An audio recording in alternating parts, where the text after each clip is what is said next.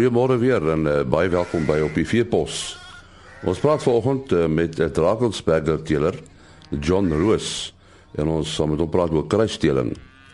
Dan Dr. Dani Oendal van die Veearts Netwerk en hy praat oor laminitis.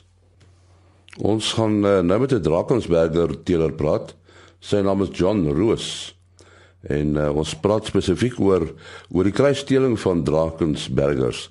Hoekom moet 'n mens kruisdeling doen, uh, John? Uh, die meeste mense gebruik waterkrag wat jy deur kruisdeling kom sodat jy van die eienskappe van die diere kan verbeter en 'n uh, uh, hoër speenmassa kan kry. Jy moet seker weet wat jy doen as jy kruisdeling doen, né? Ja, die die die groot punt is dat 'n mens met suiwer rasse gebruik. Jy kan nie met vaste rasse kruis nie. So uh, daar's verskeie stelsels uh waar jy twee of drie rasse in 'n georganiseerde program gebruik. En hoe lank doen jy dit nou al? Ja, ek doen ek doen nie kruisdeling nie, ek is 'n suiwerteler. Uh maar ek het uh opgemerk dat uh as jy op die pad ry en jy sien nie deur mekaar beeste, dan wonder jy of die boere weet wat die genetiese samestelling van hulle kuddes is. Hoekom dink jy uh, so baie boere doen dit? Dis meeste van die ouens gebruik hulle wat na die jongste gier is. As 'n rasio skielik populêr is, dan gebruik hulle daai ras. En meeste ons het nie die infrastruktuur om sinvol twee of drie rasse apart hou en so voort nie. So hulle kan dit sinvol uitvoer. Nie. So, wat sê jy sê? Sou jy sê hierdie kruisdeling met bastekrag is 'n goeie ding? Ja, die die benutting van die uh, water waterkrag is is natuurlik 'n goeie ding uh, want jy kan jou jou uh, speenmassa verhoog, uh, die aanpasbaarheid, die melk as jy dit sinvol doen kan jy daai dinge verbeter in jou kudde. Maar uh, dit is alweerlik moontlik met suiwerrasse want die meeste van die uh, rasse beskikbaar is saamgestelde rasse en hulle is verwant aan mekaar behalwe miskien bonsmare wat ook 'n saamsteller ras is, dis die probleem. Jy kan nie met basters of basters eh uh, basterkrag verwek nie. Nou, hoe lank boer jy nou al met Drakensbergers, uh, John? Ons boer al 48 jaar met hulle. En in watter omgewing boer julle? Ek is in Carolina distrik. Hoe groot is jou kudde? Ons het so 500 koeie. So dit hou jou redelik besig, né? Dit is dit is 'n uh, besige ding. Die uh, die interessante ding is dat baie van die ouens wat uh, met Drakensberg koeie na ander rasse toe gaan het, het teruggekom omdat hulle 'n groot sukses het met die, die Drakensberg koeie se moederling en uh, ander rasse daarop gebruik en dan al die kalvers verkoop. En uh, ja, ek voorsien stigbele aan aan hierdie ouens wat suiwerker is. Ja, dis dis natuurlik 'n bees wat wat baie goed aangepas is, né? Nee? Ja, uh, uh, raadswyd, uh, jy weet al die rasse sê hulle is aangepas, maar as jy en hier in die oostelike hoëveld uh, vierveld uh, met die rooi water en galsiekte en hierdie dinge minder van die ander rasse meer van die swart beeste. Dit is baie goed aangepas ook in die hitte daar beeste in Tosca wat baie warm plek is en hulle floreer daar. Die raad die ras is baie goed aangepas. En, en wat is jou teelbeleid, John? Ja, ek doen lynteeling. Uh, ek is 'n stoetteeler, ek doen lynteeling en uh, gebruik prestasie data en teelwaardes en uh, die doel is om 'n koei te teel wat elke jaar 'n kalf kan produseer wat goedgekeur word en wat sy syfers alreg is. Uh maar die saak hoe sy lyk die of hoe groot sy is die dit is die vereiste sy met elke jaar kan kalf. Ja, met die droogte nou, hoe lyk jou veiding op die oomblik? Ja, ons is baie geseënd. Ons het hier vroeg in Oktober het ons 'n bietjie reën gehad. Dit is baie droog op die oomblik. Die die beeste uh vreet nog dik. Ehm uh, maar hier is uh, reën nodig uh, in die, die hele land is droog. Ons is eintlik baie bevoordeel hier in hierdie gebied dat ons daar 'n bietjie groen gras het. Boer jy net met Drakensbergers of is daar 'n gemengde boerdery? Nee, ek boer net met Drakensbergers. Dis al wat ek doen. Ek uh, produseer rooi. Hulle oorwinter op Spaarveld en rooi vir so 6 weke. Baie dankie John Roos, uh, Drakensberger teeler. Dr. Uh, Dani Oendal is die direkteur van uh, die veearts netwerk. En ons gaan uh, vanoggend met hom praat oor 'n uh, toestand wat bekend staan as laminitis. Is uh, laminitis en 'n mank uiteindelik maar dieselfde ding of beteken laminitis 'n groter ding uh, Dani? Ja, laminitis is eintlik maar die gevolg van sekere siektes. Uh die belangrikste een is suurpens. In skaap en beeste en alle ruminante. Ehm um, en suurpens gebeur wanneer diere nie goed aangepas is by konsentrate nie soos mieliemeel en normally chop. Maar dit is veral nou sien in die droogte. Skielik is die veiding op, die gras is op en ons begin konsentrate voer en ons vergeet dat bees of die skaap se pens kan nie oornag konsentrate effektief uh afbreek en gebruik nie. Kan wel afgebreek word want sodra jy konsentrate voer in hoë hoeveelhede is daar sekere organismes wat verskriklik vinnig vermeerder en dit is die melksuurvormers.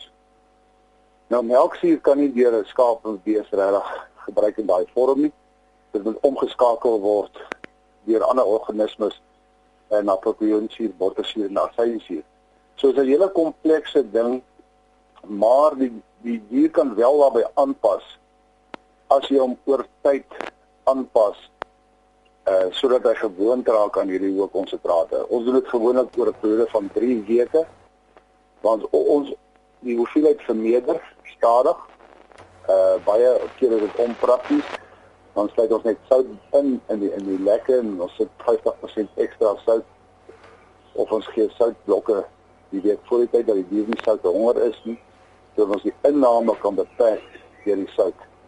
Want wat gebeur as die diere nie aangepas is nie en hulle oorvreet aan hierdie konsentrate uh veroorsaak dit daai suurpens dit is daai suur wat in die maag sit in die maag basies brand en 'n verskriklike inflammasie veroorsaak van hierdie melksuur word ook opgeneem in die bloed veroorsaak inflammasie reg deur die lyf en op die einde van die dag sien jy dit dan as dan nie is die dier kan nie loop nie hy staan met al vier pote relatief naby aan mekaar Dit baie pynlik om te loop en dit is net suiwere inflammasie reaksie.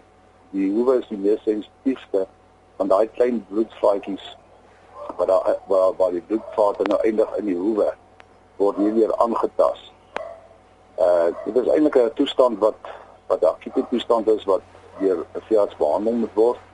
Uh ons gebruik anti-inflammatoriese middels om die inflammasie op te hef. Uh dis nie 'n infeksie nie, maar ons gebruik ook dan baie keer antibiotika.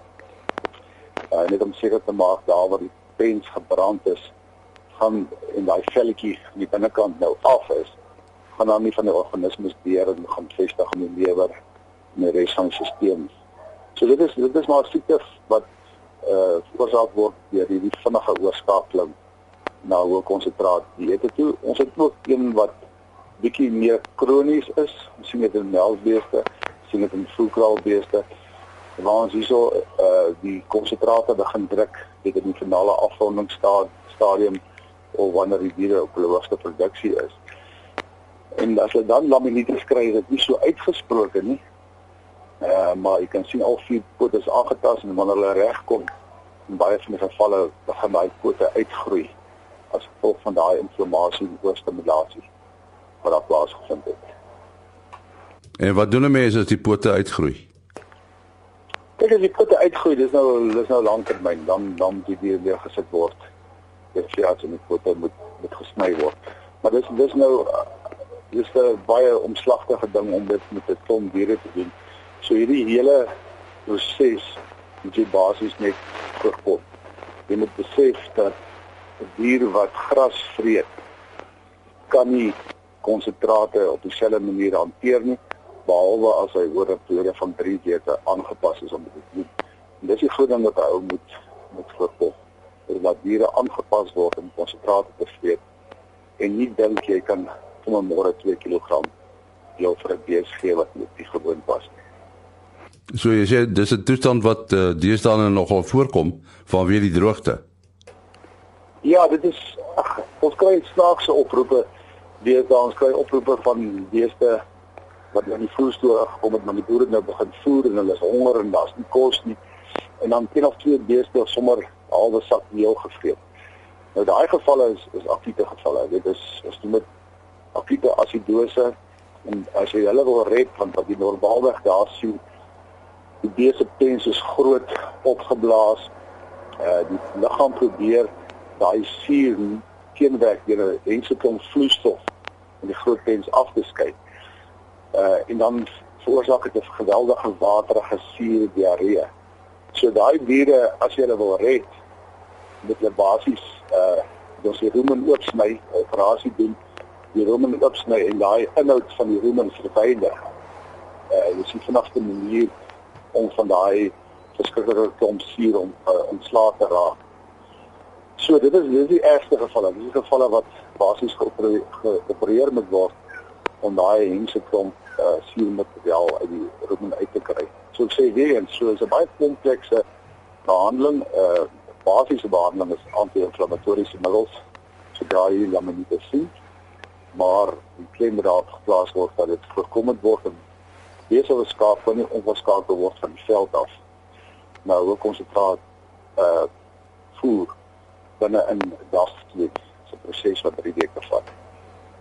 Dan die telefoonnommer? Die beste en is dat die ouens wat Fiat se bel, my telefoonnommer is 0824540532. Maar hierdie is 'n ding wat die die Fiat wat in die omgewing is, normaalweg hanteer. En ons sê baie dankie aan Dr. Dani Oudendal van die veeartsnetwerk.